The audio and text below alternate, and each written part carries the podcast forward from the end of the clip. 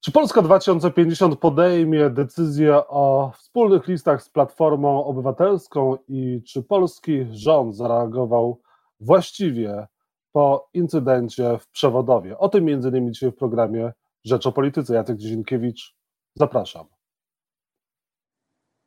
A Państwa moim gościem jest Szymon Hołownia, Polska 2050. Dzień dobry. Dzień dobry. Czy słusznie narodowa drużyna poleciała do Kataru? To trudna sprawa, trudny e, dylemat, e, dlatego że ten, e, ta impreza mistrzostwa, te mistrzostwa budzą takie wątpliwości etyczne, jakich chyba nigdy nie budziły żadne mistrzostwa. I teraz już chyba nie ma prostych odpowiedzi. Powinniśmy oczywiście polecieć, natomiast pytanie, co powinniśmy zrobić przed następną tego typu imprezą, kiedy okaże się, że pieniądze rządzą wszystkim, również sumieniami, E, również tym, co do tej pory było uważane za niepokalane, czyste, e, za przestrzeń czystej fair play rywalizacji, no to jest po prostu obrzydliwy biznes, to co teraz obserwujemy w Dobrze, A czy my tam nie, nie legitymizujemy swoją obecnością systemu, który powinien być e, krytykowany? Nie tylko my chyba jesteśmy dzisiaj złapani w tę pułapkę przez FIFA. Polskę. E, myślę, że powinniśmy na przyszłość wyciągnąć z tego wnioski. E, to jest pierwszy raz, kiedy ta obrzydliwość tego świata sprzedanej piłki pokazała się na takim szczeblu, e, w tak dosadny sposób. E, myślę, że jak polska reprezentacja wróci z Kataru, e, co daj Boże jak najpóźniej, to powinniśmy sobie to bardzo poważnie przedyskutować, gdzie sobie stawiamy sami granice w Polsce, jeżeli chodzi o legitymizowanie tego typu sytuacji. No to jest, to jest po prostu, jak teraz wychodzą na jaw te rzeczy, które doprowadziły do Kataru. Jak się słucha pana Infantino, to, to, to ma się ochotę naprawdę krzyczeć z bezsilności. Jak to było możliwe, że zostaliśmy wszyscy postawieni e, w takiej sytuacji przez grupę gości, którym wyłącznie kasa w głowie. A polscy piłkarze powinni wyjść na mecz e, z przepaską tęczową? Jeżeli uznają to za stosowne, to e, oczywiście tak. To już zależy od samych piłkarzy. Pan komu kibicuje, oprócz Polski oczywiście? Proszę pana, moje serce jest w takich momentach e, zamknięte e, i dostępne wyłącznie dla Polaków i dla polskiej reprezentacji, więc dopóki e, nie przełamiemy tego zaklętego kręgu trzech meczów otwarcia w meczu o wszystko i meczu o honor. Wierzę, że tym razem będzie zupełnie inaczej. Dopóki nie przełamiemy tego, to ja się w ogóle w tej sprawie nie będę wypowiadał, tylko będę bardzo mocno trzymał kciuki, żeby się wreszcie udało i żebyśmy w, w tym ciemnym czasie mieli odrobinę sportowej satysfakcji. A czy pana serce otworzyło się na Donalda Tuska i na jego apel, że trzeba się zdecydować co do list e, wspólnych? E, no bo kampania wkrótce i czy wy się już zdecydowaliście na wspólne listy z Platformą Obywatelską? Nie, nie zdecydowaliśmy się. To miłe, że pan pyta. E, mam czasem wrażenie, jakbym musiał stawiać się raz na jakiś czas, na trzy miesiące, czasem krócej u lekarza, żeby zbadał mnie, sprawdził jaki jest stan mój i Polski 2050 i przedłużył zaświadczenie. E, więc e, stawiam się i jasno i precyzyjnie e, mówię, takich decyzji, takie decyzje nie zapadły. Z tego co orientuję się, nie zapadły żadne decyzje po tej stronie demokratycznej opozycji co do sojuszy wyborczych. W tej chwili wszyscy po pierwsze skupiają się na budowie własnych potencjałów, po drugie intensywnie prowadzą badania. Wszyscy się teraz bardzo badamy, zamawiamy badania, czytamy je ze specjalistami, analizujemy różne warianty. E, po trzecie, no Donald Tusk mówi, do końca roku powinna być decyzja. Powinna być decyzja do końca roku w sprawie Donald tego, Tusk... czy idziemy razem czy osobno. Będzie do końca roku decyzja Polski 2050? Znaczy Donald Tusk, e, rozumiem, mówi e, w, o swojej organizacji, o swojej partii, no bo do tego ma tytuł. E, jeżeli on zamierza zamknąć proces decyzyjny co do konfiguracji, w jakiej wystartuje Platforma Obywatelska do końca roku, to ja to absolutnie te deklaracje szanuję. Natomiast ja nie wykluczam, że my będziemy potrzebowali więcej czasu i że takie decyzje co do różnego rodzaju taktyk wyborczych zapadną wiosną, bo w moim odczuciu trzeba najpierw zrobić dwie inne rzeczy. Po pierwsze, pakt senacki a po drugie, e, ja bym jednak zaczynał relację nie od e, opisów technik, w, które w tej relacji znajdą zastosowanie w różnych okolicznościach, tylko od uczucia i od sprawdzenia, czy jak pisał Antoine de Saint-Exupéry, patrzymy razem w tym samym kierunku.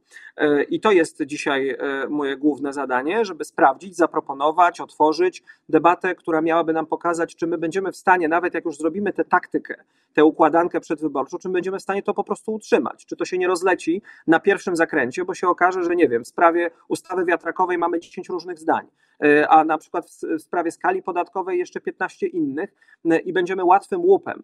E, to nie jest tak i to pokazują liczne analizy, że blokowanie to jest prosta matematyka. Jak się blokujesz, to dochodzi też do efektu psychologicznego. Pisał o nim bardzo trafnie dr Maciej Onasz, porównując tworzenie tego typu wspólnych list do koncertu, który ktoś organizuje w jakimś mieście, jakiś samorządowiec, no i y, ma do wyboru kogo zaprosić, dlatego że część lubi muzykę rockową, część heavy metal, y, część tylko i wyłącznie disco polo, a jeszcze część muzykę symfoniczną i on musi tak to dobrać, żeby nie tylko przyciągnąć ludzi na koncert, ale żeby nie przestraszyć tą różnorodnością, czy tym swoim wyborem kogoś, y, kto mógłby przyjść, a nie przyjdzie. To jest bardzo poważna układanka, a nie przestrzeń do tego, żeby y, walić na oślep y, prostymi hasłami. Jeszcze chwilę. Myślę, że wiosna, wczesna wiosna, tak naprawdę początek przyszłego roku, dziewięć miesięcy przed wyborami, przykład czeski to pokazuje, to dobry czas, żebyśmy się opowiedzieli, czy idziemy osobno, czy idziemy razem, w jakich konfiguracjach, jak wtedy wyglądają sondaże. A kiedy pan się opowie w sprawie y, posła Maksymowicza? Czy on pozostanie członkiem e, klubu Polska 2050, czy jednak po materiale wirtualnej Polski wy posła Maksymowicza zawiesicie? To trudna sprawa, na zasadzie dwie sprawy, bo jedna sprawa czysto medyczna, w mojej ocenie, dotycząca terapii komórkami macierzystymi. Proszę zobaczyć, że w tej sprawie nie wypowiada się ani Naczelna Izba Lekarska, ani nie ma jakichś dalszych ciągów w środowisku medycznym, ale o tym powinni rozmawiać profesorowie medycyny. Czy tego rodzaju eksperymenty medyczne, czy tego rodzaju terapie powinny w ogóle mieć e, szansę i w jakich warunkach e, służyć ludziom, bo wiele nadziei w nich ludzie dzisiaj też trzeba powiedzieć sobie szczerze pokładają, a z kolei bez eksperymentów medycznych nie byłoby postępu medycyny.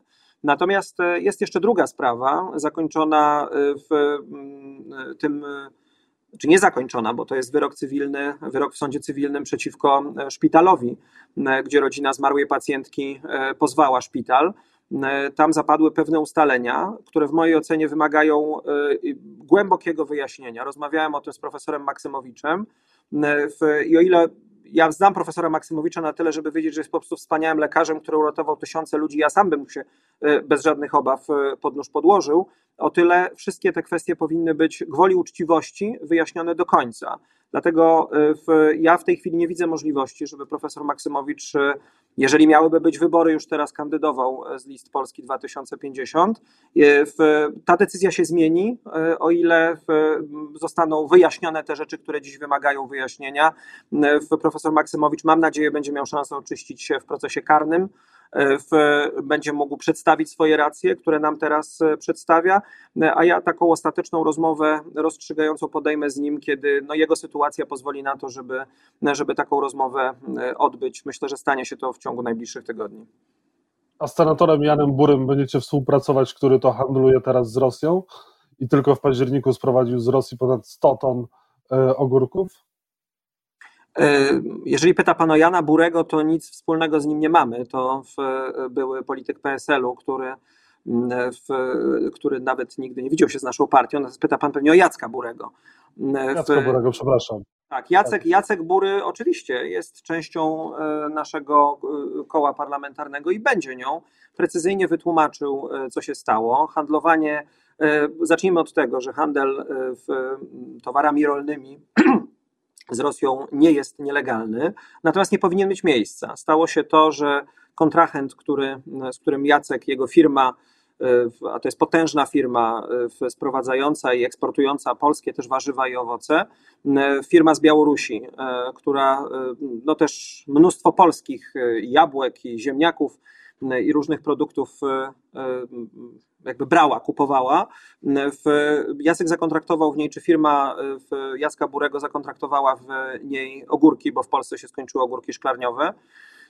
Przepraszam, chyba gruntowej. Ja nie jestem aż takim wielkim specjalistą. W każdym razie skończył się ten asortyment ogórków. Ogórki zostały zamówione, natomiast y, skończyły się również kontrahentowi białoruskiemu, więc y, y, niewiele myśląc dorzucił kilka palet rosyjskich ogórków, co nie zostało wychwycone w firmie.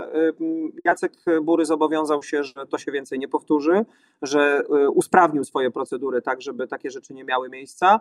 Nie ma tu żadnej złej woli, jest, jest pełna też wola naprawienia tej niezręczności, dla mnie nie ma tematu.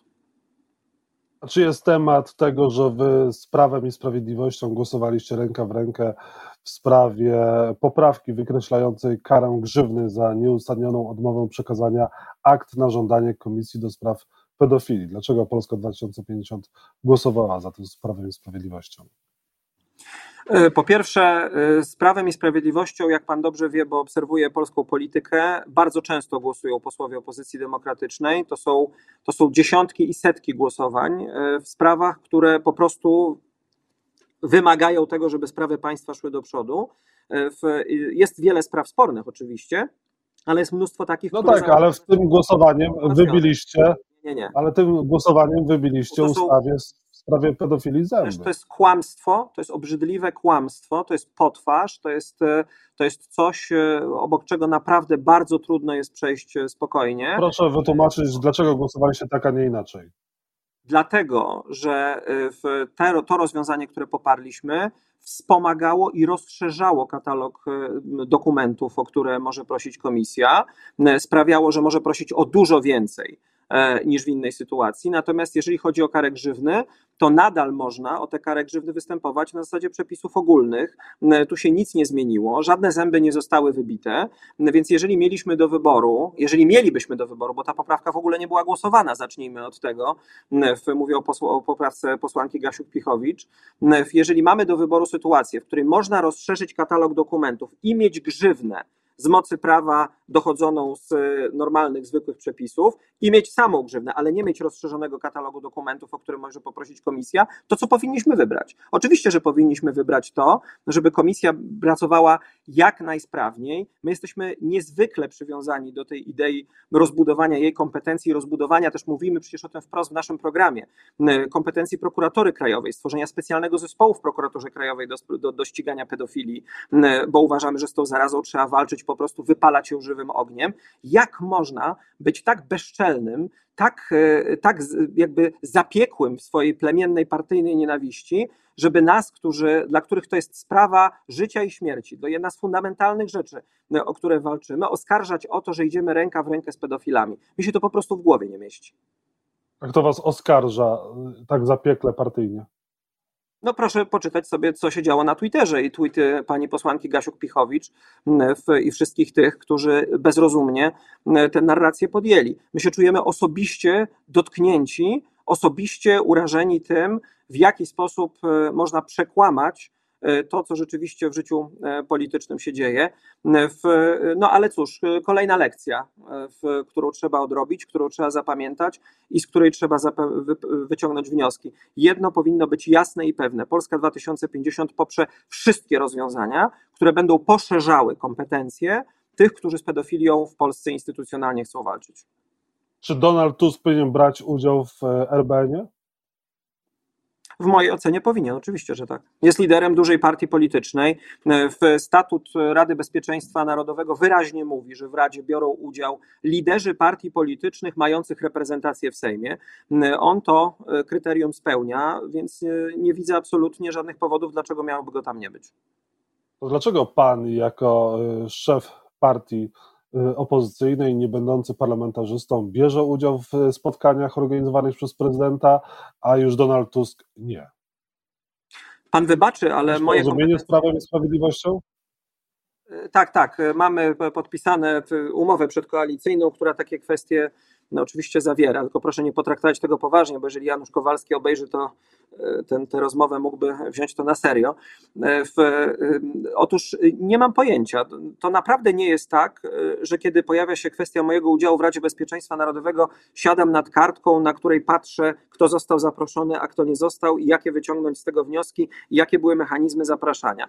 Do nas skierowane jest pismo, kiedy zwoływana jest Rada Bezpieczeństwa Narodowego. Czasami to pismo jest e, do mnie osobiście, jako zaproszenie. Czasami jest to pismo kierowane do przewodniczącej klubu. W, y, zwykle jest tak, choć to nie zawsze, bo czasami to jest Michał Kobosko, czasami inne osoby od nas uczestniczą, y, w zależności też od sprawy, od terminarza, y, że piszemy wniosek w, do kancelarii prezydenta o to, żebym to ja mógł, nie będąc posłem, bo tam jest kwestia dostępu do informacji niejawnych, które posłowie mają z definicji do poziomu tajne. W, żebym mógł w tym uczestniczyć, jest uruchamiana pewna procedura w, którą kieruje szef kancelarii prezydenta. Szefowa kancelarii prezydenta podpisuje taką zgodę na jednorazowy dostęp do informacji o klauzuli poufne czy tajne, w zależności od tego, jak odbywa się rada. I tyle. I idzie się na Radę Bezpieczeństwa Narodowego i w niej się uczestniczy. Nie wiem, jak to wygląda w przypadku Donalda Tuska, bo się tym po prostu nie interesowałem. Wiem, jak to wygląda w naszym wypadku. Jestem przekonany, że liderzy partii politycznych w sprawach najważniejszych dla państwa, w sprawach bezpieczeństwa państwa, kiedy wszyscy musimy być razem, a od lidera wymaga się też, żeby mówił ludziom, którzy którzy są wyborcami danego ugrupowania, jak się sprawy mają, uspokajał, pokazywał, miał świadomość tego, jak przebiegają te procesy. Uważam, że to powinien być standard. Liderzy partii y, politycznych powinny być obecni na RDN-ie. Jak pan ocenia reakcję polskich władz na incydent w Przewodowie? Jeżeli chodzi o reakcję, mm, i to też mówiłem na Radzie Bezpieczeństwa Narodowego już wspomniane, jeżeli chodzi o reakcję taką powiedziałbym międzynarodową, dyplomatyczną, mm, w, e, e, wojskową, to z tych informacji, które płyną, trudno coś zarzucić. Rzeczywiście intensywnie wzięli się do roboty, zaczęli dzwonić, zaczęli sprawdzać. Kłopot był z informacją. Źle oceniam politykę informacyjną rządu i władz tego wieczora. To było 7 godzin E, w, między 15.30, o ile dobrze liczę, a tymi okolicami 21-22, kiedy, kiedy zaczęły się komunikaty. To jest 7 godzin, e, które następnym razem wykorzysta Putin.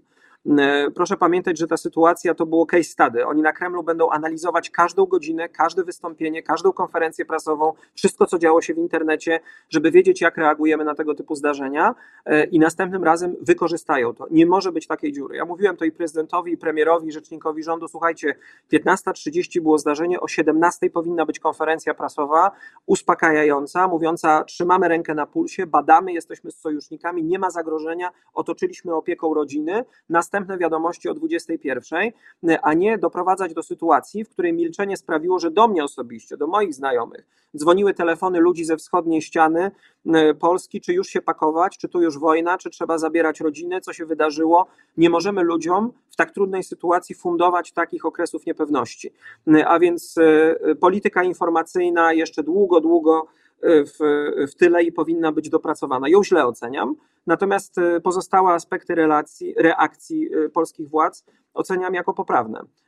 Pytanie jeszcze tylko, które z tych wersji, tych wydarzeń okażą się prawdziwe, bo mamy dostępne wersje w mediach, mm, które pokazują, które radary, jak zadziałało, co się wydarzyło. Te wersje stoją w sprzeczności choćby z tym, co usłyszeliśmy na Radzie Bezpieczeństwa Narodowego. I e, mam nadzieję, że kiedyś dane nam będzie ustalić, gdzie leżała prawda. Po to, żeby móc przygotować się na nie daj Boże podobne sytuacje. No, jesteśmy krajem przyfrontowym E, e, sąsiad jest w stanie wojny z agresorem, e, żebyśmy mogli być bardziej, jeżeli można tak powiedzieć, gotowi. A czy Ukraina powinna mieć dostęp do śledztwa polskiego, powinna brać udział w polskim śledztwie, bo prokuratura nie zgodzi się na udział Ukraińców w śledztwie? Polska prokuratura? Tak? Polska prokuratura się nie zgadza? Tak, tak. Polska prokuratura się ja nie, nie zgadza. Ja nie wiem, jak wygląda kwestia y, y, y, stopniowania prawnego, natomiast jakiś rodzaj obserwacji dochodzenia wydaje mi się, że dla obustronnych stosunków byłby korzystny.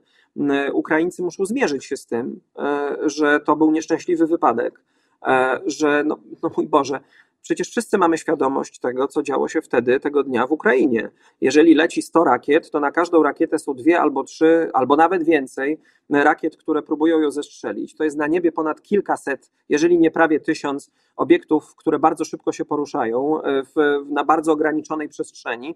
No wszystko się może wydarzyć, bo to jest technika, w, e, e, nie tylko ludzkie decyzje. Więc, więc my, to, znaczy, no my w tej sytuacji bronilibyśmy się tak samo. Też strzelalibyśmy rakiety, też mogłoby się cokolwiek nieszczęśliwego niestety wydarzyć. Mam nadzieję, że szybko Ukraińcy zmierzą się z tą prawdą, w, przyjmą ją, przyznają, jak było i będziemy mogli nadal rozwijać swoje relacje. To, to, to, to, nie, jest, to nie jest opowieść, która nagle złamie polsko-ukraińskie przymierze. I ostatnie pytanie od Janusza Kowalskiego, kolejnego gościa Rzeczopolityce. Poseł Kowalski pyta, przekażę zaraz, w przeszłości pan chciał zamykać kopalnię w Bogatyni, po ataku TSUE i konsekwentnie walczyć z polskim węglem. Proste pytanie, czy dziś Polska 2050 popiera, poprze postulat Solidarnej Polski inwestycji w zwiększenie krajowego wydobycia węgla? My, jeżeli możemy mieć polski węgiel, do momentu, kiedy będziemy z niego oczywiście musieli wyjść, to powinniśmy oczywiście wydobywać polski węgiel.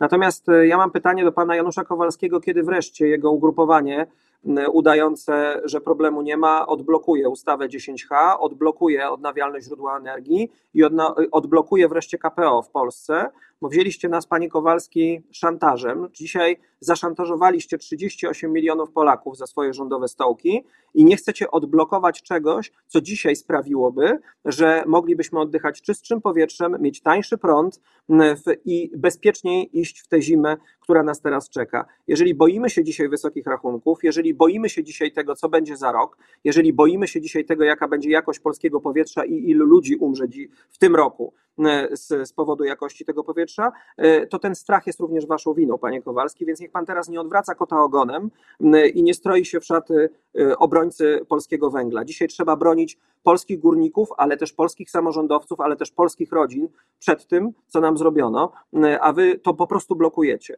E, i jak najszybciej przestańcie to robić. My dzisiaj położymy na stole, zaczynamy cykl Zielona Niepodległa, projekt ustawy 10H, e, bo widać, że ten, który idzie przez rząd, no nie jest w stanie jakoś, w, znaczy odblokowujący ustawę 10H, bo nie, wiatrakową, bo nie jest w stanie jakoś przejść przez Sejm. Mam nadzieję, że pan go poprze i pana środowisko, bo dzisiaj zielona, czysta energia z polskiego wiatru, polskiego słońca i polskiego atomu to jest nasza racja stanu. No ja w takim razie będę musiał się zabawić dzisiaj w listonosza i przekazać w drugą stronę pytania od Szymona Hołowni dla Janusza Kowalskiego. Szymon Hołownia, lider Polski 2050 był Państwa i moim gościem. Dziękuję za rozmowę i Dziękuję bardzo. tygodnia. Dziękuję.